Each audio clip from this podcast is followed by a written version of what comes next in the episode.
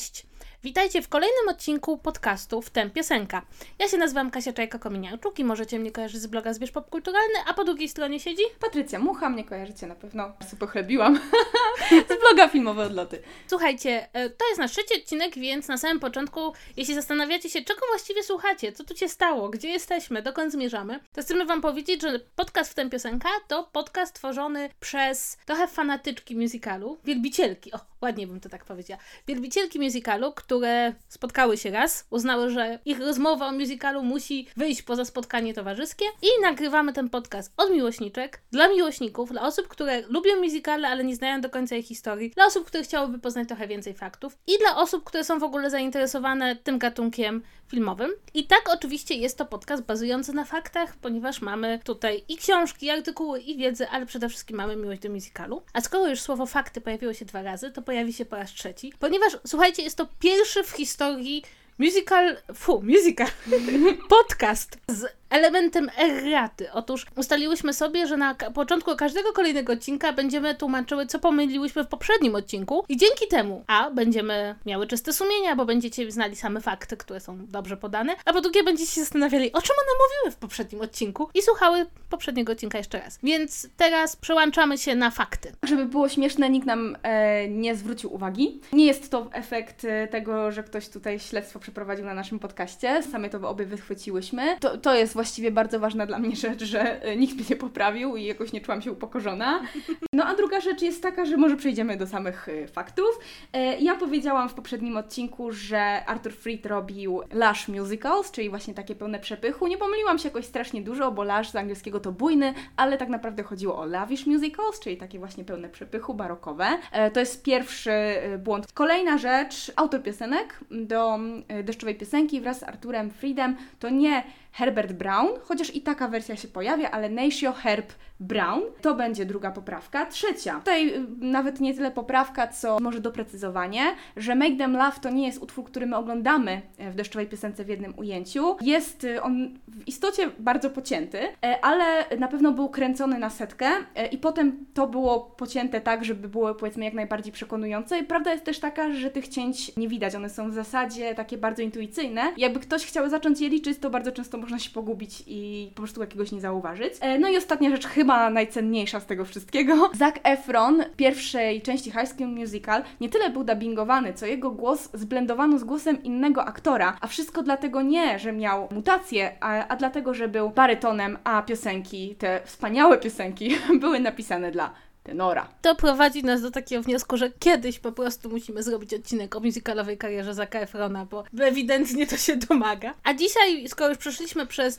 nasz nowy segment pod tytułem Errata, to będziemy omawiały nasz główny temat odcinka, jakim są dwa filmy na podstawie tej samej historii, którą pokazano w Hollywood ile? Pięć razy, dobrze pamiętam? Wiesz co, w Hollywood pięć razy, ale ciekawe, bo bardzo też obszernie korzystam z angielskiej Wikipedii, ona jest bardzo pomocna, ale i tam zdarzają się jakieś takie byki i niespójne informacje informacji i nawet się pojawiła, że w 51 roku odcinek jakiegoś telewizyjnego show został temu poświęcony, czyli jakby pięć filmów kinowych i jeszcze jakiś odcinek telewizyjnego show, trochę jak z śpiewakiem jazz bandu, tam też się coś takiego pojawiło, więc 5-6. 5-6 wersji, a mówimy oczywiście o Narodzinach Gwiazdy. Ja o tej wersji telewizyjnej też słyszałam, bo podobno występowała w niej Judy Garland. E, nie, to wersja radiowa. Hollywood kocha tą historię i teraz w największym skrócie, jak ją opowiedzieć? Otóż e, sama historia ma trochę takie swoje korzenie w przekonaniu, żeby jedna gwiazda zabłysła na fignamencie, to druga musi spaść i tutaj zawsze mamy te dwie kariery, które się mijają. Jest to albo aktorka slash piosenkarka, bo tutaj nastąpiła pewna zmiana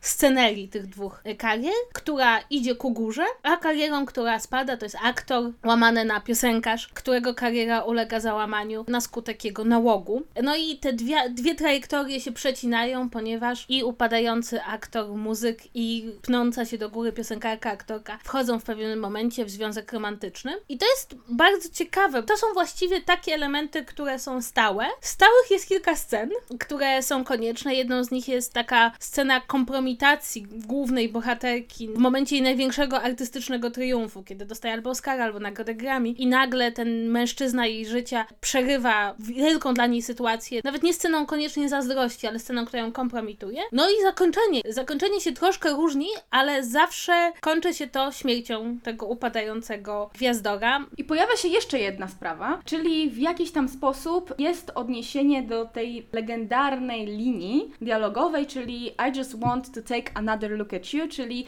chciałbym tylko jeszcze ostatni raz y, Cię zobaczyć lub y, daj mi jeszcze na siebie spojrzeć. I ta historia jakby powraca w Hollywood wielokrotnie i nawet trudno się dziwić dlaczego. Jest to też historia, która przynosi nagrody, Oscary i wyróżnienia, ale także smutek i, i poczucie zawodu. I dzisiaj wybrałyśmy sobie dwa filmy z tych sześciu nawet możliwych adaptacji. Wybrałyśmy oczywiście, to jest absolutnie oczywiste, wersję musicalową z 54 roku z Judy Garland. Skontrapunktujemy ją z najnowszą wersją z 2018 roku, wyreżyserowaną przez Bradley'a Coopera, gdzie rolę tej wschodzącej piosenkarki gra Lady Gaga. I wybrałyśmy te dwie wersje nieprzypadkowo. Zdajemy sobie sprawę, że większość osób kojarzy cztery wersje. Tą z 37, z tą 54, z tą z Barbara Streisand, nie pamiętam z tego roku, ale z lat 70. i tą ostatnią. A myśmy tak sobie wybrały te dwie, trochę dlatego, że ja mam takie poczucie, że to są dwie najdalsze od siebie wersje i dwie, które moim zdaniem są najciekawsze do omawiania. Ale przede wszystkim jedna z nich jest musicalem.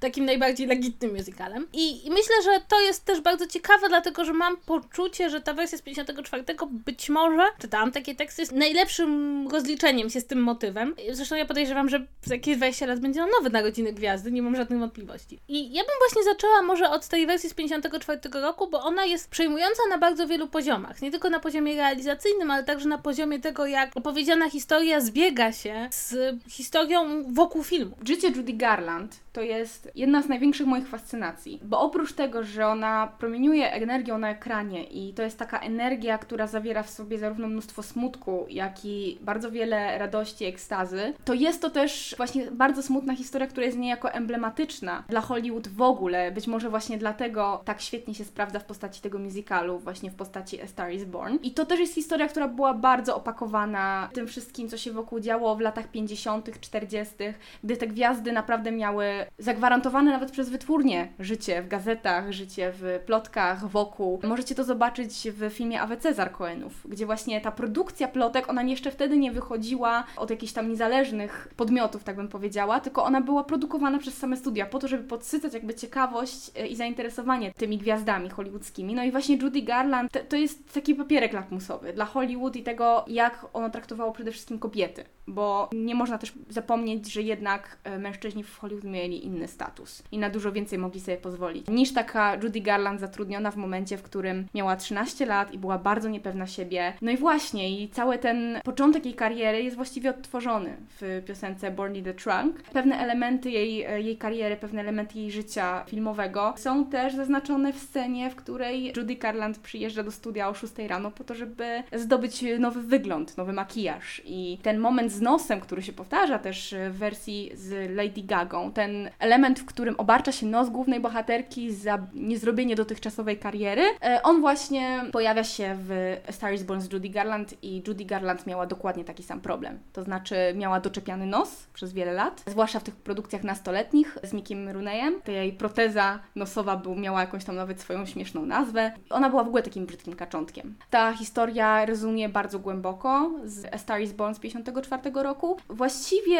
Judy Garland i jej historia zawiera się w obu postaciach. Zarówno w postaci Esther, jak i w postaci Normana Maina. To jest moim zdaniem jedna z najciekawszych rzeczy w tym filmie. To znaczy, oczywiście tutaj tym bohaterem, który upada jest aktor, mężczyzna, prawda, który tutaj, jego kariera się załamuje na skutek uzależnienia, no ale w momencie, w którym pojawia się A Star is Born, już to ma być ten wielki powrót e, Judy Garland, to ma być takie udowodnienie Hollywood, że ona ma w sobie jeszcze wystarczająco dużo energii, umiejętności, możliwości, żeby wrócić, żeby zgarnąć tego Oscara, bo prawdę powiedziawszy, wszyscy chyba, którzy pracowali przy tym filmie, się spodziewali Oscara Garland, ale jednocześnie jest to osoba, która już w tym momencie zmaga się z uzależnieniami. Zmaga się z uzależnieniami też dlatego, że będąc młodą gwiazdą, była faszerowana e, środkami i na odchudzanie, i na pobudzenie. W związku z tym jakby trochę studio sprowadziło ją na tą drogę. I to jest fascynujące, bo sama Judy Garland jakby dawała wyraz temu, że praca nad tym filmem jest dla niej pracą wyjątkową, bo jednak odnajduje się w tym scenariuszu. Jednocześnie była to praca bardzo trudna, bo aktorka na, na planie zachowywała się, no, nie pojawiała się, spóźniała się, nie podobały jej się stroje, nie była to łatwa praca, ale to jednocześnie daje jakąś autentyczność, zwłaszcza jeśli dodamy do tego puentę, którą jest fakt, że Judy Garland nie dostała Oscara za ten film. Nie udało jej się wrócić, nie udało jej się tej kariery odbudować. Jej życie skończyło się dużo szybciej niż możemy, trudno to oczywiście podejrzewać, ale być może by się skończyło, gdyby ten powód do Hollywood był udany i gdyby Hollywood spojrzało na nią w innym świetle. Jakby rzeczywiście ona jest w obu tych rolach. Jej doświadczeniem było doświadczenie młodej, wschodzącej gwiazdy, której dawano nowe nazwisko, bo przecież Judy Garland nie nazywała się Judy Garland. Wiesz, jak się nazywała? E, tak, ona miała jakieś takie strasznie brzydkie nazwisko, to ja się nawet nie dziwię, że jest... Tak, ale Francis Gum. Gum, tak. Bardzo takie, no, takie powiedzmy przaśne. Więc nowe nazwisko, nowy nos i to wszystko jest w tym filmie, ale także jest w tym filmie to takie zgorzknienie osoby, która zdaje sobie sprawę, że, że tych szans, żeby powrócić jest albo coraz mniej, albo w ogóle już ich nie ma. W tym filmie jest taki moim zdaniem niesamowicie poruszający moment, kiedy przyjaciel Normana mówi, że Norman nie wróci, dlatego że to uzależnienie odbiło się na jego grze aktorskiej. I że to nie jest tak, że te filmy, w których on występował, ponosiły klęskę, bo były złe, tylko dlatego, że on był najsłabszym elementem każdego z tych filmów. I dla mnie to jest takie rozdzierające, kiedy sobie pomyślę, że to jest trochę prawda, tak? Że to nie jest tak, że uzależnienie nie pozostaje zupełnie bez wpływu na to, jak się występuje, jakie się ma umiejętności. Więc pod tym względem w ogóle te, ten film z 54 roku jest niesamowity. I jest też niesamowity, ponieważ zabiera sceny, w których Judy Garland mówi o uzależnieniu i o tym, jak miłość nie zawsze jest w stanie to uzależnienie jak przezwyciężyć. To jest taki moment, kiedy właściwie ta czwarta ściana jest bardzo cienka. Bo też trzeba pamiętać, że ona wtedy była w związku małżeńskim z hazardzistą. Więc jeszcze do tego wszystkiego był ten element, że ona doskonale wiedziała, co to znaczy kochać osobę, która ma jakieś uzależnienie. I to jest taka scena, jest, ona jest niesamowita, bo mamy film z 54 roku, który jest kolorowy, wspaniały, drogi, ma sceny musicalowe, które bardzo przywodzą na myśl taki klasyczny musical, a potem nagle w połowie kręcenia sceny musicalowej mamy scenę, która no spokojnie można by ją było włożyć do współczesnego filmu pod względem aktorskim, emocjonalnym i nawet dzisiaj nie każdy film miałby taką, taką prawdę, która płynie z ekranu. Więc, więc pod tym względem ten film z 54 roku jest niesamowicie ciekawy, bo nie sposób go dzisiaj nie oglądać, nie mając tego wszystkiego w głowie. I ja tutaj odniosę się do kilku rzeczy, o których powiedziałaś, bo wydają mi się mega ciekawe. Nam jest e, w tej wersji z 54 roku, mówi się nam, że główny bohater, czyli ta upadająca gwiazda Norman Main, że on właśnie nie jest w stanie dłużej przytrzymać publiczności, bo jego występy już nie są takie dobre bo jego to uzależnienie wpływa na te występy, tak jak powiedziałaś. Natomiast my tak naprawdę nie, przez długi czas nie widzimy tych efektów. To nie jest tak, że my oglądamy ten film i widzimy, że e, coś mu wcześniej wychodziło, a teraz mu nie wychodzi. I to jest problem na przykład z wersją Bradley'a Coopera, bo my oglądamy go na koncertach które są wypełnione po brzegi ludźmi, którzy szaleją za jego muzyką. Oglądamy go na otwarciu, oglądamy go potem w scenie, w której zaprasza Lady Gaga do śpiewania Shallow i tam ludzie szaleją na jego punkcie i nagle potem się okazuje, że y, nikt nie chce z nim dalej podpisać kontraktu, że on nie, nie może dalej tworzyć, nie może dalej nagrywać. I to mi się wydaje też po prostu niewiarygodne pod kątem scenariusza. I rzeczywiście te związki, w jaki sposób coś w tej nowej wersji Coopera miało zadziałać, przez to przybliżenie do rzeczywistości albo dodanie kontekstu, to jest tylko pozór, to nie działa właśnie. Pewne rzeczy można zostawić niedopowiedziane, dlatego że one są oczywiste i działają na korzyść emocjonalnej wymowy, a może nie na korzyść rzeczywistości do końca, którą ten film przedstawia. I to jest jedna sprawa, o której chciałam powiedzieć. A druga, jeszcze odnosząc się do tego właśnie Normana Maina i do tego upokorzenia, Judy Garland właściwie doświadcza podczas y, ceremonii przyznania Oscarów w 1955 roku, doświadcza tego samego trochę, czego doświadczał e, Norman Main w filmie, czyli została zaprzęgnięta cała machina, żeby przyjechać do niej do szpitala, gdzie rodziła e, swojego syna, bo wszyscy byli przekonani, że dostanie Oscara. Tymczasem ona tego Oscara nie dostała i musiała leżąc po prostu w szpitalnym łóżku udawać, że gratuluje Grace Kelly. No to jest bardzo smutne. Wykorzystywanie tego potencjału aktorskiego pomimo tego, że aktorka już sama nie dawała sobie rady z tym wszystkim, a wciąż jednak podkręcało się ten biznes, efektem tego jest troszkę to, że y, Judy Garland rzeczywiście odeszła z kina, tak? Już jej potem nie widzieliśmy w zbyt wielu filmach. Zdaje się, że nakręciła jeszcze cztery. Żaden z nich nie był tak dobry jak Narodziny Gwiazdy, ale warto o tym powiedzieć, że studnia nie wyschnęła.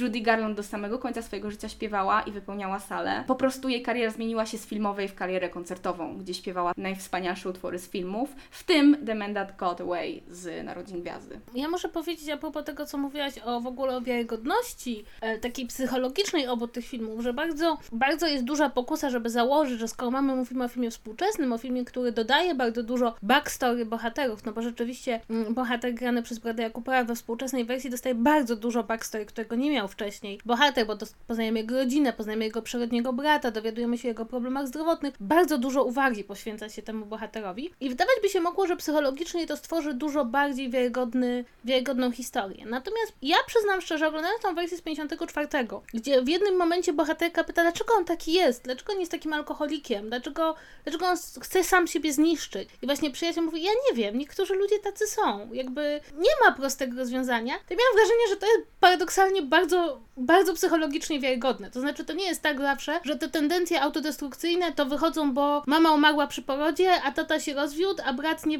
wychował, a słuch się traci. Właśnie bardzo mi się to spodobało, bo to wcale nie jest tak, że ta wersja, która wizualnie jest bardzo bliska rzeczywistości, psychologicznie jest dużo bliższa rzeczywistości niż ta wersja z 54 roku, która zresztą, co jest moim zdaniem dużo ciekawszym rozwiązaniem, jest dużo bardziej niejednoznaczna. Dlatego, że też powiedzmy sobie szczerze, że widz oglądający wersję z 54 roku nie jest w stanie do końca powiedzieć, czy bohater popełnia samobójstwo, bo nie chce być ciężarem dla swojej żony. To jest trochę jak z Telmą i Louise. Tak. To znaczy, my teoretycznie wiemy, ale jednak klatka się zatrzymuje i jednak my go nie widzimy, że on się topi. Do tego wszystkiego jakby co, co, mi się wydało ciekawe, on słyszy rozmowę, w której z jednej strony jego żona chce się poświęcić, poświęcić karierze, ale z drugiej strony w tej rozmowie właśnie pada to stwierdzenie, że dla niego nie ma już przyszłości, że on już nie wróci, jakby nie będzie już aktorem, e, zatrudnianym gwiazdorem. I nie wiemy, dlaczego, czy on popełnia to samobójstwo, żeby nie ciążyć żonie, czy żalu nad samym sobą, czy z jakiegoś takiego strasznego uświadomienia sobie, że już nie będzie tak, jak było kiedyś. Pod tym względem jakby dużo bardziej jednoznacznie jest przeprowadzona ta narracja w kinie współczesnym, czy w tej współczesnej wersji. Zresztą w ogóle dla mnie to jest bardzo ciekawe, bo ja miałam takie wrażenie, że jak obejrzę tą wersję z 54, to ona będzie taka, że strasznie nie lubię tego bohatera, tak? Że on będzie taki zazdrosny, że on będzie tłamsił tą swoją żonę. To jest najbardziej empatyczna postać też w tym filmie. To znaczy Judy Garland jest też empatyczna oczywiście, ale ona ma taki też y, naddatek tej całej swojej historii, która się wydarzyła też w tym filmie, bo ona mówi o tym, ile y, poświęciła, żeby znaleźć się w miejscu, w którym jest. Wiemy też, że ona musi dbać o siebie i ona dba o siebie. Mimo wszystko ona zawsze podejmuje decyzje, których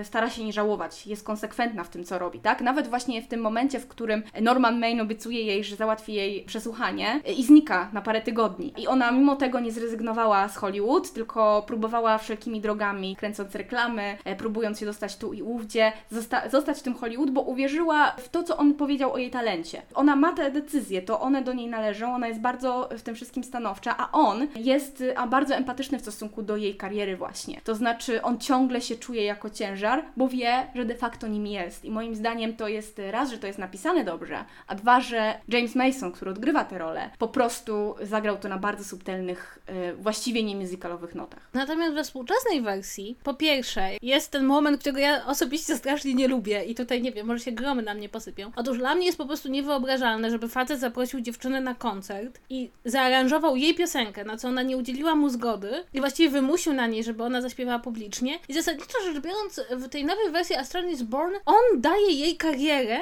a potem jeszcze jest zły, że ona poszła w inny kierunek muzyczny niż on się spodziewał. Tego w ogóle nie ma w tej starej wersji. W tej starej wersji jest taki cudowny moment. Ja po prostu, to był moment, który złamał mi serce, jak oglądałam ten film. Kiedy bohaterka grana przez Judy Garland wraca późno wieczorem z prób i opisuje swojemu mężowi Normanowi absolutnie taki stereotypowy numer musicalowy, do którego ćwiczyła i oni się razem strasznie śmieją. Są złośliwi straszliwie względem pewnych musicalowych klisz, ale jednocześnie widać tą jego i jej radość radość z jej kariery i takie pełne wspólne zrozumienie, że ona nagrywa być może absolutnie bezsensowny numer, który jest stereotypowy, ale to jest przecież system studio, to jest takie filmy się kręci. On w żadnym momencie nie mówi jej, twoja kariera powinna wyglądać inaczej, robisz to źle, nie podoba mi się to. Nie ma w tym zazdrości, jest taka wspólna radość. To, co go przygnębia, to oczywiście ten moment, kiedy się okazuje, że dzwonią do niego, żeby się z nią skontaktować, ponieważ on już jest nikim i jakby jest tylko kontaktem do niej. Ale ta jedna scena uświadomiła mi, że kiedy oglądałam współczesną wersję, to cały czas miałam takie poczucie, może nawet nie zazdrości, ale jakiejś takiej pretensji do tej dziewczyny, że ona poszła w ten pop i, i przefarbowała włosy i nie śpiewa już tak, jak śpiewa. A to jest ta, ta radość ze wspólnego osiągniętego sukcesu i dopiero jak się pomyśli, że to mogło być, to mógł być ten związek, no to serce się łamie, kiedy się okazuje, że to nie może być ten związek. I to mnie zaskoczyło, bo ja się spodziewałam, że ta wersja z 54 on będzie zazdrosny od samego początku i będzie bardzo okrutny wobec bohaterki, a tymczasem to współczesny bohater jest dużo bardziej okrutny wobec bohaterki i dużo bardziej przywiązany do jak maczystowskiej wizji. Bohaterka Judy Garland, tak jak mówisz, jest bardzo sprawcza. Ona sama sobie tą karierę robi, ten Norman ją tylko musi delikatnie pchnąć. Ponieważ to jest patriarchat, to są lata 50., to jest era Eisenhowera i w ogóle e, mężczyźni górą, kobiety w domu, to jest ten moment, więc on po prostu jest całkiem świadomy swojej władzy. Jesteśmy w tym, jakby jesteśmy głęboko w tych latach. To nie jest tak, że teraz nagle oświadczymy, że po prostu to wyprzedziło swój czas o 70 lat, bo to nie o to chodzi. Ale pokazujemy, że w tej starej wersji, właśnie w tej z 54 roku, są momenty, które usubtelniają to i przede wszystkim nie czynią z kontekstu sytuacyjnego jakby zasadniczej treści filmu, tylko wciąż chodzi o dramat między dwojgiem bardzo kochających się ludzi. Czyli nie mamy żadnych rzeczy, które nas rozpraszają, bo to są tak naprawdę w tym filmie z 2018 roku dla mnie rozpraszacze, bo to ja nie czuję, że to dodaje jakiejś esencjonalnej części tej relacji, ani temu filmowi. Ja nie czuję, że to jest bliżej rzeczywistości, wręcz przeciwnie, czuję, że to są klisze, które są prosto z kina. I właśnie chciałam, Kasiu, powiedzieć, że przeczytałam dzisiaj cały Twój tekst. Wydaje mi się, że już go kiedyś czytałam o Narodzinach Gwiazdy, ale potem e, przeczytałam te komentarze i chciałam powiedzieć po prostu jedną zasadniczą rzecz, że film to nie jest rzeczywistość. I jakkolwiek by nie chciał jej oddawać, to nigdy jej nie odda, ani w 100%, ani nawet 99%. Jeden z autorów piszących o Narodzinach Gwiazdy z 54 roku pokazuje, że właśnie w tym filmie nie ma tego elementu odkupienia, tego elementu, gdzie my się poczy możemy poczuć dobrze sami ze sobą, że uf, coś komuś wychodzi. Bo Judy Garland tam tego nie dostarcza, każda piosenka jest pełna bólu. I tutaj właśnie w tym 2018 roku no mamy wszystko, co nam ma przypominać, że to jest rzeczywistość, że mamy branżę, że to jest takie wiwisekcja, jak to się mówi, moim zdaniem brzydko e, w wielu recenzjach. A tak naprawdę e, najważniejsze jest to nie, czy to oddaje rzeczywistość, tylko jak próbuje ją oddać. Bo tu by zarzucono, że patrzysz przez e, klisze genderowe, ale to jest o tym film. I może być o tym, i ktoś może nie chcieć patrzeć na niego w ten sposób, ale musimy o tym pamiętać, że to zawsze był film o kobiecie i mężczyźnie, o władzy, jaka się rozkłada między nimi, władzy, która się rozkłada różnie w różnych systemach i w różnych dekadach. I po prostu w tym porównaniu poprzednie wersje, moim zdaniem każda jak jedna, nawet ta koszmarna wersja z Barbara Streisand, wychodzą na tym lepiej, niż wersja Bradley'a Coopera. To znaczy dla mnie jedną jest istotną rzeczą, że ta historia, jak mówiłaś, opowiedziana w latach 50., ten mężczyzna, dla którego to, co się dzieje w jego życiu jest tak strasznie bolesne, jest kimś kompletnie innym niż ten sam mężczyzna w 2018 roku. To są dwa zupełnie różne światy. Tak samo jak to zakończenie. Dlatego, że to zakończenie jest tragiczne i w latach 50., i w latach 30., bo trochę musi być. Ponieważ rozwód skończyłby jego i jej karierę. To w 2018 już tak nie jest oczywiście. Tak samo jakby zmienia nasze postrzeganie też, wydaje mi się, relacji z osobami uzależnionymi. Wiemy coraz więcej o uzależnieniach, zupełnie inaczej na te rzeczy patrzymy, więc mam takie poczucie, że zabrakło mi w tej wersji Coopera takiego, takiego zadania sobie pytania, czym jest ta opowieść w 2018 roku. Bo ta opowieść w 2018 roku może być równie przejmująca, nie podążając scena za sceną za wcześniejszymi wersjami. To mi się wydaje taką ślepą liczką. Inna sprawa jest też taka, że czasem mam wrażenie bardzo dziwne takie, że jest ta sama scena w dwóch filmach i jej wydźwięk jest tak drastycznie różny, że aż mnie to uderzyło. Widziałam te filmy bardzo blisko, więc mogę sobie porównać. Jest taka scena, która pojawia się w wersji 54 roku, nie wiem czy pojawia się w wcześniejszych, kiedy Norman, widząc tą przerobioną przez studio e, bohaterkę, zmywa jej makijaż, chcąc jej pokazać, jak no dobrze wygląda sama z siebie. Ta scena, ja ją bardzo lubię, bo ona jest zabawna, ona do niego mówi po nazwisku, a on mówi, no w tej sytuacji może nazwij mnie Norman. Znają się już od jakiegoś czasu, ona przyjechała tam zaproszona przez niego, była między nimi taka intymna scena, coś już między nimi jest. To, że jakby on dotyka jej twarzy, nie jest dla mnie dziwne. Tymczasem w wersji Bradley'a Coopera kompletnie obcy facet wchodzi do przymierzalni, gdzie dziewczyna jest ucharakteryzowana na Edith Piaf i zaczyna dotykać jej twarzy, zdejmując jej ten makijaż i oni się praktycznie nie znają. On nie jest do końca trzeźwy. Dla mnie to jest tak krypna scena, korzystając z pięknego spolszczenia. I też taka, że kiedy patrzę na ją w 2018 roku, to mam takie stary, gdzie z łapami? Nie dotyka się, nie, nie pchaj się z łapami w pierwszych 15 minutach znajomości. Bo to jest taka właśnie nierówna relacja w tym filmie. Ona wie, że on jest gwiazdą, przychodzi do niej, zaszczyca ją swoją obecnością w pewnym sensie, mimo tego, że w filmie nie jest to w ten sposób wygrane, tak? Ale wiemy, że no ten kolega przywlókł w sumie Bradley'a Coopera do Lady Gagi po to, żeby, nie wiem, być może właśnie dać jej jakiś taki touch of stardom. I on się jej pyta, czy może dotknąć tej jej brwi i ona jest bardzo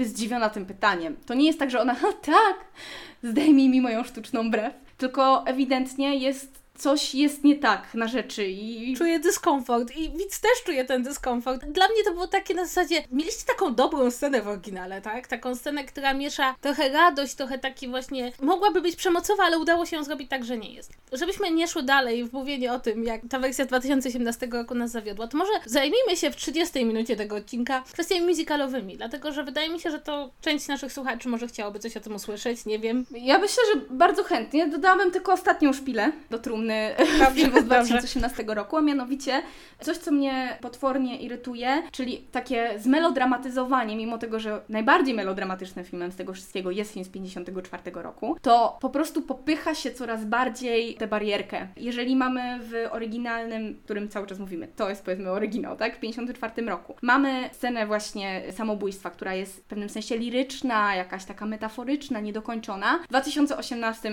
bang, powieszenie. Okej, okay, nie oglądamy tego, ale to jest takie ordynarne. I tych scen jest dużo więcej. Dużo więcej jest takich momentów udramatyzowanych, że już nie, on nie musi przyjść na tą galę przyznania nagród po prostu pijany i e, pokazać, jak bardzo mu jest źle, że jest najgorszym aktorem, tylko musi się zsikać na scenie. Wiecie, to takie brandzlowanie się upokorzeniem, moim zdaniem to jest coś nie do przyjęcia dla kogoś, kto ma odrobinę empatii też w stosunku do swoich bohaterów. Jednocześnie oczywiście to działa jak backlash, czyli pokazuje, ojej, on jest taki biedny, on jej, on nie ma na to wpływu. I właśnie usprawiedliwia jego zachowania na różnych poziomach, ojej, on sobie z tym nie radzi. No tak, nie radzą sobie wszyscy ci bohaterowie we wszystkich tych filmach, tylko te, ten ból jest zupełnie inaczej przekazany. I moim zdaniem to jest absolutnie kluczowe. To popychanie w 2018 roku po prostu pod mur, pod ścianę, żeby było jeszcze mocniej, żebyśmy, ale nie trzeba tego tak robić, żebyśmy to poczuli. Właśnie dlatego wersja z 54 roku tak e, świetnie działa. I a propos tej sceny upokorzenia. W wersji z 54 roku jest taka scena, kiedy Norman znika na 4 dni i znajduje się potem w areszcie i sąd po prostu zasądza go razem z innymi zaaresztowanymi pijakami. Tam nie ma nic drastycznego, ale ja po prostu oglądałam i czułam upokorzenie bohatera. Czułam także to, że to jest taki moment dużo bardziej przerażający niż ta scena na gali, ponieważ tam on się skompromitował być może branżowo, a tutaj on jako człowiek dochodzi do tej granicy, kiedy już nie jest gwiazdorem, kiedy już jest pod tym swoim oryginalnym nazwiskiem i sędzia mu właściwie mówi, no, no zasługujesz na więzienie, jak ci wszyscy pijaczkowie wokół ciebie. I to, że wtedy właśnie jego żona mówi, że ona weźmie za niego odpowiedzialność.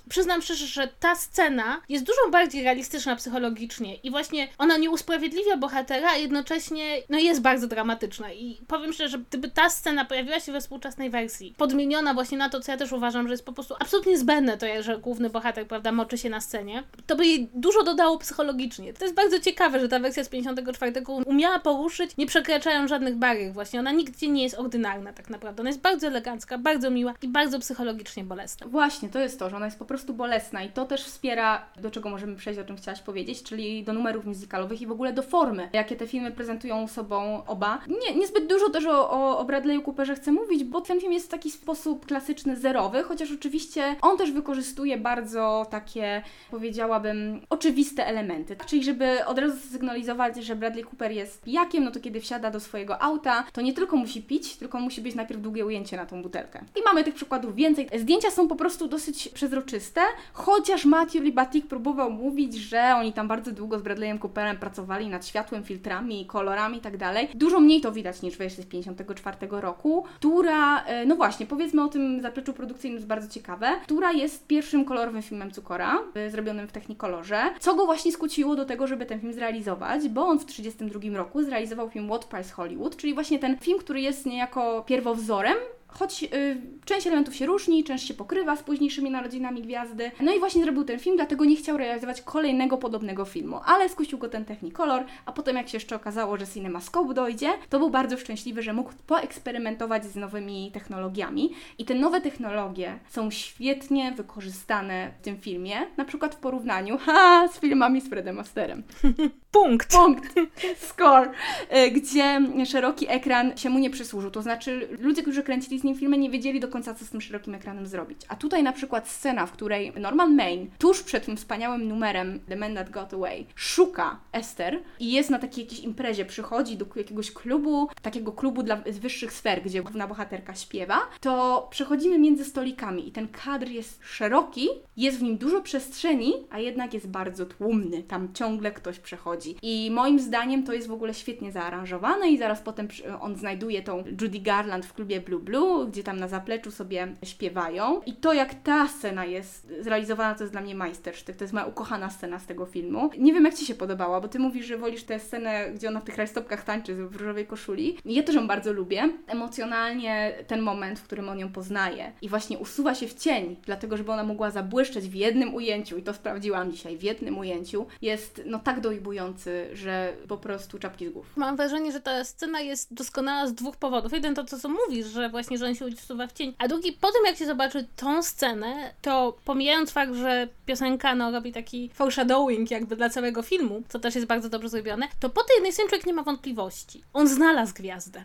To nie jest to, że ona kogokolwiek potrzebuje. Z takim głosem, z taką ekspresją, z tym wszystkim naraz, to jest niesamowite, tak? Jakby widz od tego momentu nie ma wątpliwości, że ona musi odnieść sukces. Ani, że y, można ją pokochać tak szybko. Tak. To jest właśnie coś, co, czego brakuje też w tej wersji z Lady Gagą. Ja bardzo lubię ten numer otwierający, gdzie ona udaje Edith Piaf. Tylko, że jest tak tam dużo cięć, reaction shotów. Ona nie ma czasu w pełni wyróżnić. Tam jest jedno dosłownie ujęcie, kiedy ona leży z twarzą właśnie zwróconą w naszą stronę. Sugeruje się, że patrzy Bradleyowi Cooperowi w oczy i to jest jedyny pra- taki prawdziwie angażujący kadr tego całego utworu, bo my mamy zaprojektowane wokół, ona jest świetna. A w filmie z 54 roku mówimy, o kurde, ona jest świetna. Mówimy to my i nikt nam nie musi więcej opowiadać. I to jest najlepsze, bo przecież ja wiem, jak dobrze śpiewała Judy Garland. No come on, wszyscy wiemy, jak dobrze śpiewa Judy Garland. A jednak jak, jak się to słyszy, skalę tego głosu, skalę interpretacji, wszystkie emocje, które tam są, bo to jest taki utwór, że ile by się go człowiek razy nie usłyszał, to te emocje zaskakują. I te, które my czujemy, i te, które ona śpiewa, że to jest takie, okej, my chcemy jak ten Norman wyciągnąć ją z tego baru i wsadzić ją natychmiast do jakiegoś filmu. Bo to nie jest możliwe, żeby ktoś na zapleczu baru tak dobrze śpiewał. Więc wydaje mi się, że, że masz rację, że to jest taki numer,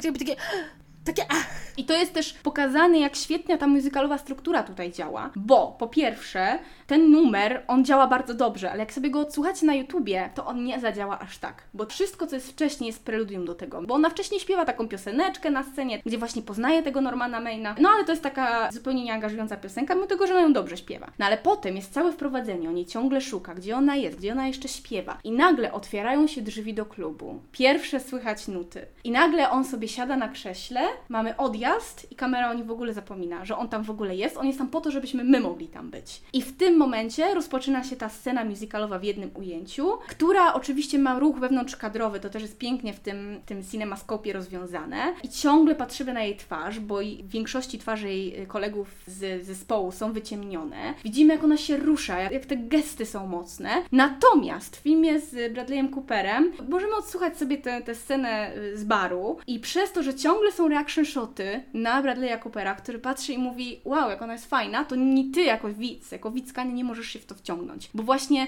jakbyś był tam i to było naprawdę takie fascynujące, to nie mógłbyś, nie mogłabyś oczu od tej Lady Gagi odwrócić. A my tu ciągle jesteśmy, o, zobaczmy jednak, co o tym myśli Bradley Cooper. Wydaje mi się, że skoro mówimy o tej scenie, to w ogóle wydaje mi się, że można w przypadku obu tych filmów powiedzieć, że ten wersja z 54 jest w sumie bardzo mocna o bohaterce Judy Garland. Ona bardzo często jest na tym ekranie dużo bardziej. Natomiast wersja Bradley'a Coopera jest bardziej o bohaterze granym przez Bradley'a Coopera. Tak, to ty, ty napisałaś w ogóle u siebie, napisał to też pięknie Richard Brody, że to jest oczywiście opowieść miłosna, ale o Bradley'u Cooperze, jakby reżyserze, który kocha Bradley'a Coopera aktora i to jest piękne podsumowanie. Powiedzmy sobie szczerze, ja to, ja to nawet jestem w stanie zrozumieć, zwłaszcza, że z tego co ja wiem, Bradley Cooper tak biograficznie się trochę identyfikuje, prawda, z problemami ze trzeźwością. Tam mówił, że jakby dla niego trzeźwość ocaliła jego karierę, więc ja rozumiem, że dla niego to jest ta perspektywa. I gdyby opowiedział własną historię, historię, nie nawiązując do tego schematu Narodzin Gwiazdy, być może wyszłoby mu to lepiej. Natomiast a propos tych numerów muzycznych, w ogóle to jest też bardzo ciekawe, że nie ma tak jak w deszczowej piosence, jakichś takich numerów kompletnie oderwanych od rzeczywistości. One wszystkie są śpiewane w jakimś momencie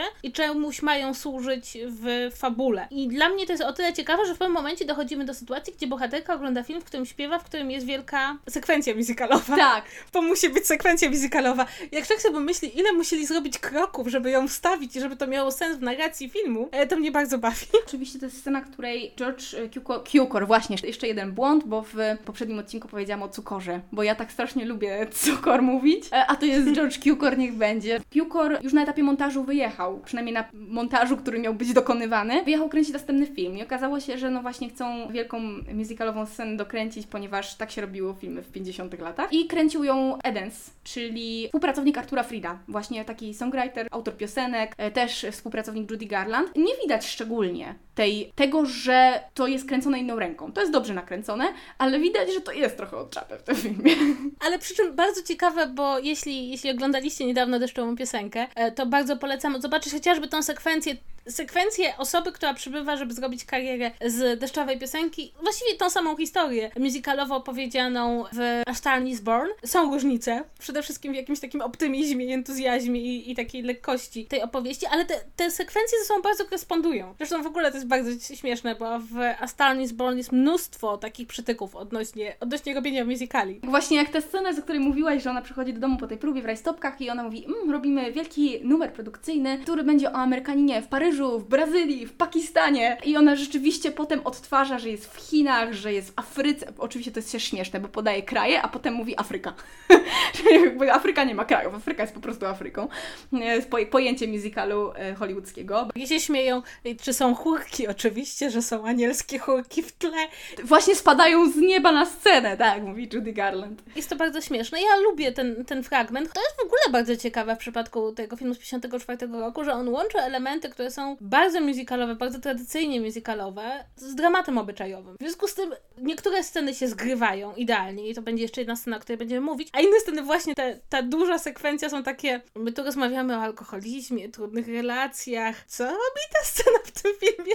Znaczy wiesz, ona jest w pewnym sensie e, też dramatyczna, bo ona mówi, że ona była born in a trunk, czyli urodziła się w sumie na scenie w Idaho, pudła ją w sumie wyciągnęli, tak to jest jakby metaforycznie oczywiście, mm, ale chodziło o to, że ona urodziła się na scenie, ponieważ rzeczywiście jej matka Judy Garland i też matka bohaterki, no to były artystki wodewilowe. Matka Judy Garland była głównie taką no, niespełnioną artystką, niezbyt utalentowaną, ale miała trzy córki, one potem występowały wspólnie, ona z nimi jeździła i rzeczywiście Judy Garland od, od trzeciego roku życia śpiewa, tańczy i tak dalej dalej. Ona tę historię opowiada z wielkim przejęciem, więc to jest dramatyczny moment, ale finał, zanim dojdziemy do tego, kiedy e, Judy Garland śpiewa ponownie w tym tonie takim dramatycznym, no to jeszcze jest ta taka obfita sekwencja, y, taka stricte musicalowa, stricte deszczowa piosenka, stricte Amerykanin w Paryżu. Taka po prostu wielka, wiele tancerzy, różne kąty, choreografia, przepych, kolor czerwony, kapelusz, cylinder, w ogóle kolor, no wszystko, nie? Ale jakby jest to z czapy, ale to też nie jest tak, że zupełnie tonem odbija całości od, y, od filmu filmu. Jedna rzecz jest absolutnie cudowna w tej sekwencji. W jednej scenie Judy Garland ma fryzurę zupełnie jak Liza Minnelli i w tym momencie widać, że Liza Minnelli jest klonem swojej matki.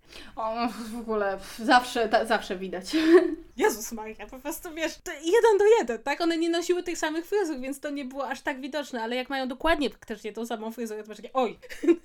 Te dwa elementy, ten dramatyczny i ten musicalowy, moim zdaniem najlepiej się zbiegają w tej piosence, którą jakby bohaterka nagrywa w studio. Lose That Long Face. Zaczyna się jako taki radosny numer musicalowy, wykorzystujący takie dosyć charakterystyczne elementy dla, dla radosnego musicalu, trochę jak deszczowa piosenka, czyli tam pada, a ona śpiewa, żeby człowiek jakby się uśmiechał i sobie poradził ze swoimi problemami. Po czym trafia do pokoju do, charakteryzatorni i tam właśnie jest ta dramatyczna scena, gdzie ona rozmawia o tym, że czasem nienawidzi swojego męża i że nie umie mu pomóc i że miłość czasem nie wystarcza i że kochanie kogoś to nie jest wystarczająca rzecz, żeby sobie z tym poradzić. I to jest takie bardzo samoświadome, dla mnie poruszające, taki autentycznie no, niesamowita scena dla mnie, zwłaszcza w kinie z lat 50. Po czym wraca na scenę i śpiewa ostatni jakby refren, gdzie, gdzie śpiewa o tym, że właśnie należy lose that long face i że należy być radosnym i należy się uśmiechać. To jest też podsumowanie, wiesz, życia Judy Garland, czyli to, że ona właśnie zawsze była pełna humoru. Ona miała w ogóle świetne poczucie humoru. To można zobaczyć na jej filmach z telewizji, ale też z wywiadów, które nagrywała. I rzeczywiście to, że ona miała tak pełne problemów w życie prywatne, wiecznie zadłużona, nie dlatego, że ona wydawała pieniądze, nie zawsze przynajmniej dlatego, tylko dlatego, że jej mężowie często wydawali pieniądze, bo matka. E, a jednak potem, po tym ciężkim dniu pracy zawsze utrzymywała ten uśmiech przed innymi, przed prasą, właśnie w filmie. To było też bardzo często podkreślane, że ona mogła być strasznym pain in the ass, jeśli chodzi o produkcję filmu. I była właśnie tak, tak zwana temperamentna i trudna gwiazda, ale w momencie, w którym stawała przed kamerą, stawała na scenie,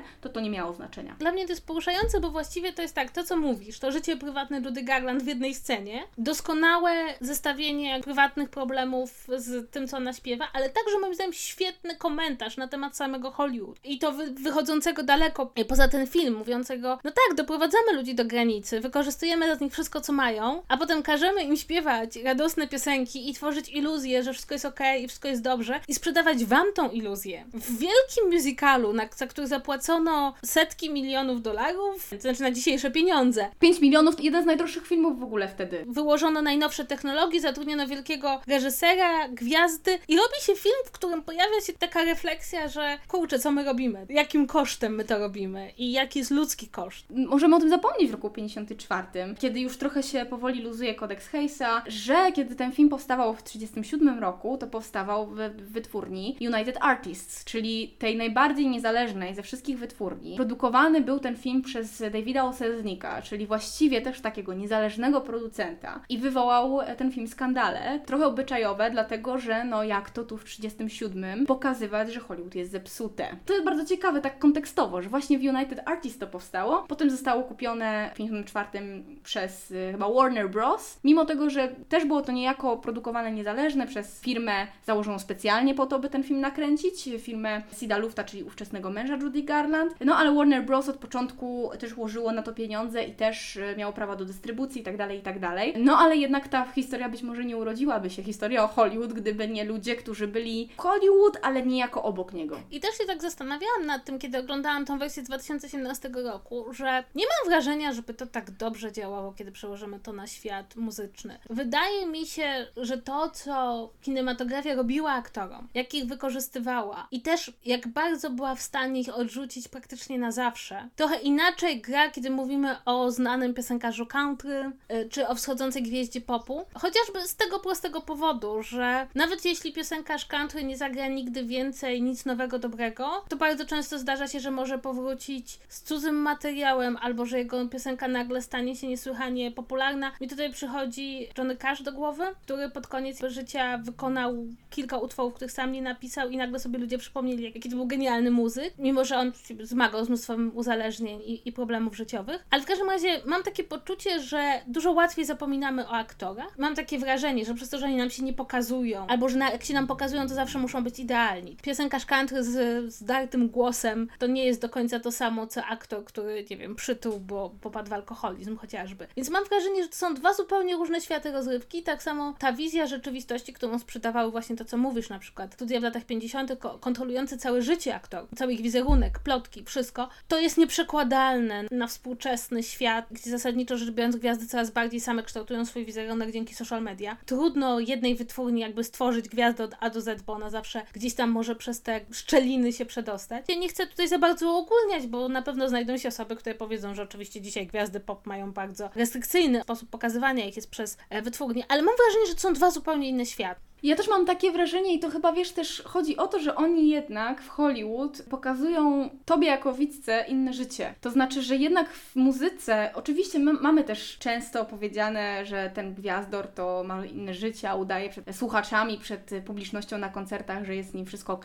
Ostatnio właśnie wyszła przecież sprawa z Britney Spears. Wiemy, że oba te przemysły, oba te sektory, branże są okropne w swych strukturach. Bardzo takie powiedziałabym wysysające soki życiowe. Tylko, że jednak jednak w dużej mierze to filmy sprzedają nam marzenia. I jednak to, jak właśnie one są potem zmiażdżone przez y, te smutne historie, chyba po prostu bardziej oddziałuje. Moim zdaniem, że dla mnie osobiście może też dlatego, że dla mnie muzyka ma taki walor użytkowy. Ja słucham jak, nie wiem, myję naczynia. Nie do końca jestem ani z muzyką poważną jakoś zaznajomiona, ani nie jestem wielką fanką muzyki żadnej innej. Nie jest to dla mnie jakoś ważne, natomiast filmy też są z całym moim życiem, one też kreują przez ileś tam czasu jakąś konkretną wizję, którą potem możemy uważać za i bardzo często uważamy za jakąś wiarygodną. Nie, to znaczy ja tylko mam takie po prostu poczucie, tak jakieś, może to jest tylko intuicja, że to są jednak dwa różne światy i ten upadek ma trochę inne trajektorie i też troszeczkę inaczej. To jeszcze ostatnia rzecz. Patrzymy na muzyków, którzy nadużywają alkoholu i narkotyków, a inaczej na aktorów.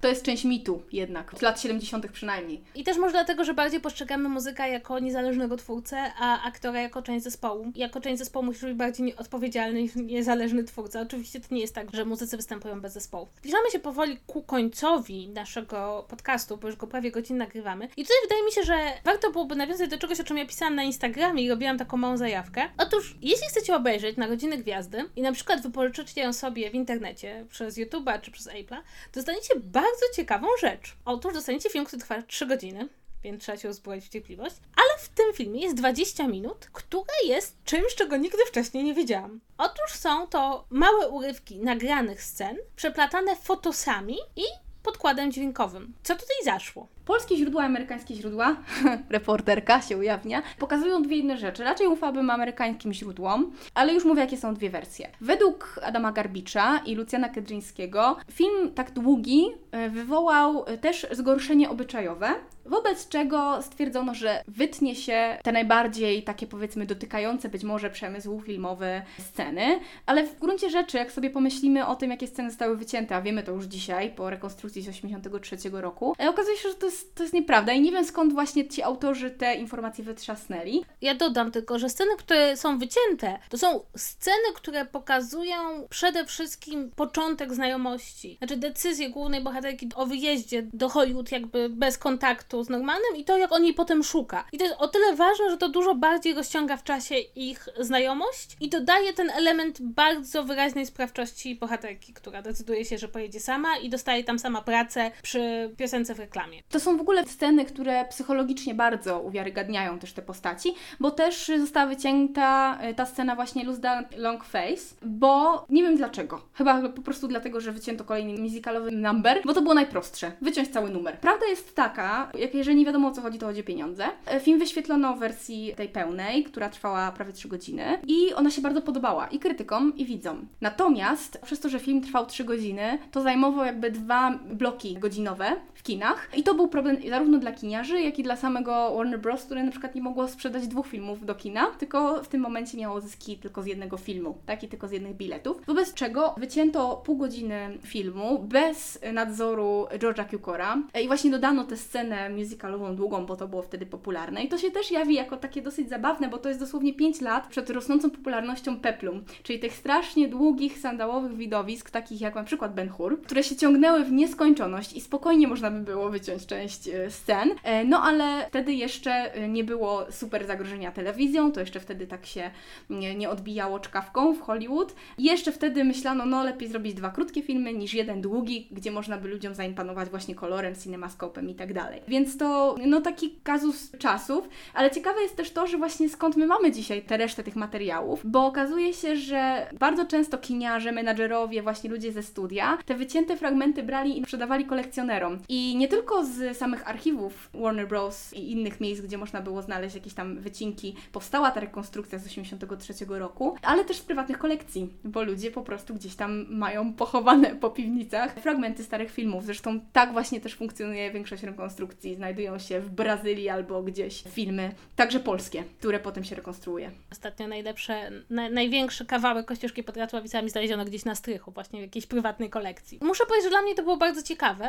Zresztą o tyle ciekawe, że jak ma się taki fotos i ścieżkę dźwiękową pod spodem, a już się widziało aktorów w ruchu, to ja bym przysięgła, że ja kilka tych scen widziałam. Wyobraźnia dużo, dużo podpowiada, ale rzeczywiście polecam i wydaje mi się też, że paradoksalnie fakt, że ten film jest taki długi, jest bardzo dobry dla tego filmu, dlatego, że to jest film, który pokazuje pewien proces i widz musi pod sam koniec niemalże nie pamiętać pewnych emocji, które czuł na początku, żeby popaść jakby w tą coraz większą beznadzieję i ten coraz większe przygnębienie. I tutaj też chciałabym na sam końcu powiedzieć o końcu tego filmu, dlatego, że te dwa filmy się kończą inaczej. Zawsze byłam przekonana, ponieważ znam tą wersję z Barbara Streisand na początku, że ta wersja ostatnia, gdzie bohaterka przedstawia się nazwiskiem swojego męża, a potem śpiewa, to jest najlepszy sposób na zakończenie filmu. E, film z 54 roku nie ma tej piosenki pod sam koniec. Jest tylko powiedziane niesamowicie prawdziwym, drżącym głosem, jakby przedstawienie się bohaterki i jest koniec. I to jest o tyle bardziej poruszające emocjonalnie, przynajmniej dla mnie, bo ta piosenka pod sam koniec śpiewana,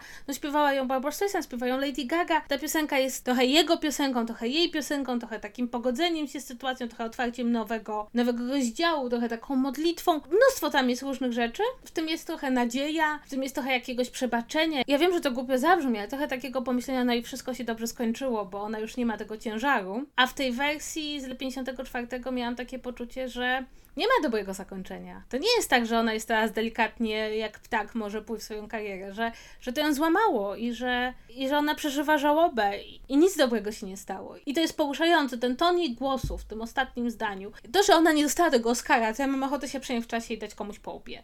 No co mam powiedzieć? Ona już, ona w ogóle wielokrotnie zasługiwała na Oscara. No wielokrotnie, to prawda. To jest jej takie, no, znowu opus mango. E, tutaj się z Kasią śmiałyśmy krótki w trend, bo robiłyśmy nagranie dla kina, opowiadałyśmy o wygranych w Cannes i wybrałyśmy cały ten zgiełk, no i chciałam powiedzieć, że jest opus magnum Boba Fossiego i wyszło mi opus mango. Więc e, tak samo narodziny gwiazdy są opus mango Judy Garland. Mówimy o West Side Story jako o tym filmie, który zmienił paradygmat musicalowy, to znaczy, że nie musi być happy endu. Tak jakbyśmy zapominali, że kilka lat wcześniej powstały Narodziny Gwiazdy. I to nie jest jedyny taki film. Właśnie pod koniec lat 50., czy nawet w połowie lat 50., zaczęło być takie przewartościowanie dokonywane w musicalach. Czyli już nie chodziło o to, żeby pokazać boy meets girl, czyli chłopaka, który poznaje dziewczynę i jak się w sobie zakochują, tylko pokazać właśnie trochę trudy małżeństwa i dorosłych ludzi. To się wzięło też z no, rozkwitu melodramatów w drugiej połowie lat 50., w tym melodramatów wspaniałych i najlepszych e, w historii kina melodramatów Douglasa Sirka, takich jak Wszystko na co niebo zezwala, czy Imitacja życia. Kasiu, co się stało? Kocham te filmy. To są wspaniałe! Następny podcast o melodramatach. Ten blend musicalu z dramatem, brak tego szczęśliwego zakończenia, to jest też efekt trochę zmieniającej się formuły, tego dostosowania się, która się znowu odbije czkawką w Hollywood. Ktoś stwierdzi, że to może nie zawsze będzie dobre, bo e, ludzie nie chcą wychodzić z kina przygnębieni i bum, dostajemy dźwięki muzyki, dostajemy Mary Poppins. The end. A propos tego naszego leitmotivu, który chciałyśmy Wam tu pokazać, czyli odgrzebywania pewnych mitów dotyczących musicali, że mamy jeden z najsławniejszych musicali, jeden z, z tych historii opowiadanych w kółko i to nie jest szczęśliwe zakończenie i to nie jest musical, który jest eskapizmem. Wręcz przeciwnie powiedziałabym. Kiedy się pojawia taki element musicalowego eskapizmu, to on jest bolesny, bo tak mocno kontrastuje z tym, co się dzieje w życiu bohaterki. Potem są dopiero dźwięki muzyki. Potem mamy te wesołe musicale, w których wszystko musi się obowiązkowo dobrze skończyć. Mam wrażenie, że kiedy mówimy poważny musical, no to ktoś powie kabaret, ktoś powie hair, ktoś powie rent, które w sumie też się miejscami dobrze kończy. Natomiast właśnie te narodziny gwiazdy są dużo wcześniejsze i które są jakby w tym kolorze, w takim przerysowanym kolorze technikologu, którym cię czasem mam wrażenie zapomina. Bo to jest w ogóle taki zapomniany musical, wiesz, to też nie jest coś, co się jakoś super ogląda i to też wskazuje na to, ta popularność filmu z Bradley'a Coopera, że też u Ciebie w komentarzach to było. Ludzie mówili, nie oglądałem żadnej poprzedniej wersji. Żadnej. Ja wiem, że to jest trochę inna historia, że to już nie jest musical, więc ludzie chętnie pójdą na film muzyczny, bo uwielbiają, a nie musical, którego być może trochę nie lubią, jako gatunku, ale jednak ta ciągłość jest zachowana, to są ważne rzeczy. To nie jest jakiś bardzo ważny film dla wielu ludzi, bo lata 50. to jest deszczowa piosenka Amerykanie w Paryżu. I trochę te narodziny gwiazdy tak na bok też być może przez ten zaginiony materiał, przez te rekonstrukcje z 83 roku, przez bardzo wiele innych rzeczy, przez to, że właśnie nie wygrał Oscara, mimo nominacji bodaj pięciu czy sześciu. W ogóle wszystkie te filmy, to też jest ciekawe, miały minimum cztery nominacje do Oscara. To jakby potwierdza pewną moją obserwację, którą podzieliłam się w mojej książce o Oscarach, że jeśli człowiek chce mieć Oscara, to powinien opowiedzieć zdecydowanie o Hollywood, bo Hollywood kocha, albo w ogóle o aktorach, twórcach. Hollywood kocha twórców, bo się utożsamiają po prostu ludzie, którzy głosują z twórcami. Podejrzewam, że będziemy już już powoli kończyć. Oczywiście e, to jest też trochę tak, że zdajemy sobie sprawę, że bardzo dużo osób lubi tą wersję z 2018 roku i bardzo ją emocjonalnie odbiera. I ja tego nikomu nie zabieram, chociaż mam poczucie, że jest to dosyć ciekawe, że ja odnalazłam dużo więcej toksycznej męskości w tej wersji z 2018 roku niż z lat 50. I też miałam takie założenie, że przecież co ja będę oglądać wersję z lat 50., że ja ją pamiętam jako seksistowską. I było dla mnie jakimś takim porażeniem, kiedy ją obejrzałam już kompletnie świadomie po raz kolejny, e, bo pierwszy raz oglądałam Narodziny Gwiazdy, no trochę dziecięciem będąc, więc tam załapałam, że są fajne numery muzykalowe. I było dla mnie porażające, jak bardzo to nie musi być taka historia. Dlatego polecam Wam wszystkim obejrzenie tego filmu z 54 roku. Jest dostępny, możecie go sobie wypożyczyć online, nie musicie go kupować. Ja, żeby obejrzeć na potrzeby podcastu, wypożyczyłam go sobie na YouTubie za 10 zł, więc nie jest to wielka inwestycja. Obejrzeć i zdać sobie sprawę, że tą historię, która jest w zupełnie innych czasach można było opowiedzieć, moim zdaniem, dużo bardziej współcześnie. Ja mam takie poczucie, oglądając ten film z lat 50., że on jest pod pewnymi względami bardziej współczesny. Natomiast z całą pewnością dla każdej aktorki, która gra tą główną bohaterkę, no to to jest niesamowita rola. Dla Judy Garland to była ta próba powrotu i próba ustanowienia swojej pozycji już na stałe Oscarem. Lady Gaga sama mówiła, że to była dla niej bardzo poruszająca rola, taka, że kiedy skończyła grać w filmie, musiała przefarbować włosy na blond, jakby uwolnić się od tej bohaterki. Też y, trzeba przyznać, że to jak ta bohaterka jest napisana pod pewnymi względami odbija życie Lady Gagi, chociaż różni je oczywiście jedna różnica to, że Lady Gaga była zawsze niesamowicie ambitna i wiedziała, że chce osiągnąć sukces i wierzyła w swoje umiejętności. Natomiast chociażby tam pojawia się wątek ojca bohaterki, ten ojciec jest trochę napisany na podstawie ojca Lady Gagi. Wydaje się, że Bradley Cooper bardzo chciał, on sam mówi, że zawsze chciał być reżyserem i to jest wielki debiut reżyserski, wielka rola, też coś, co by go utwierdziło jakby na zupełnie nowej drodze aktorskiej, bo wciąż jeszcze mnóstwo osób go kojarzy z Cats Vegas. I wydaje mi się, że dlatego tak bardzo trudno patrzeć na ten film jako na film o kimś, kogo gwiazda gaśnie, bo tam jest zupełnie inna energia. Natomiast w filmie z 54 roku w bardzo wielu gwiazdorom proponowano tą rolę w ogóle. Podobno proponowano ją Marlonowi Brando, który grał wtedy w Juliuszu Cezarze i on właśnie powiedział, ja faceta, którego gwiazda gaśnie, no jestem w życiowej formie, ale tam siedzi taki facet, go możecie zatrudnić. To samo było z Kerem Grantem, że w ogóle bardzo George Cukor się obraził na Karego Granta, który powiedział, że no, sorry, ale nie.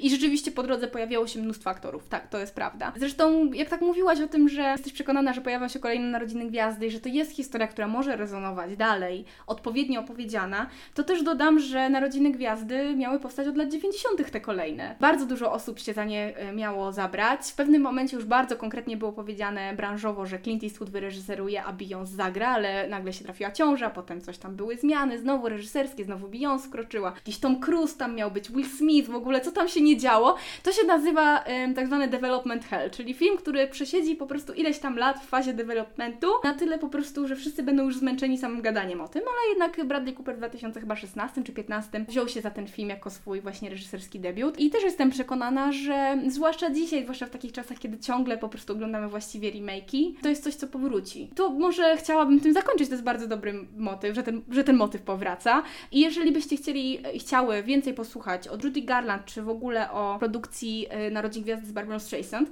e, to dwie rzeczy na pewno chcę polecić, czyli odcinek Spoilermastera od Michała Oleszczyka podcastu poświęconego filmowi Judy, gdzie on bardzo szeroko też opowiada jej biografię, opowiada też o, o ostatnich dniach życia Judy Garland, o których opowiada film Judy z Renée Zellweger. I chciałabym Wam gorąco polecić też, jeżeli ktoś po angielsku słucha, podcast Kariny Longwalls, który nazywa się You Must Remember This. I ona też jeden z pierwszych odcinków poświęciła Judy Garland, ale w jej nowej serii poświęconej Polly Platt, czyli takiej znanej production designer, scenografce, tak byśmy mogli powiedzieć, właśnie opowiada w którymś tam odcinku, chyba w szóstym, o produkcji A Star is Born z Barbara Streisand i jak w ogóle się świetnie ze Streisand pracowało to nie tylko podcast z Ratą, ale także podcast polecający inne podcasty. I to będzie powoli wszystko w tym tygodniu. Oczywiście, jak zawsze, zachęcam Was do polubienia naszego fanpage'a, w tym piosenka, do subskrybowania nas i na YouTubie, i na Spotify'u, i do oceniania nas na iTunesie, ale tylko i wyłącznie dobrze, bo po co nam złe oceny. No i gdybyście mieli jakieś problemy, sprawy, prośby, długie listy wytykające nam, że Bradley Cooper jest najlepszym reżyserem na świecie, to możecie pisać e, do nas na maila w tym piosenka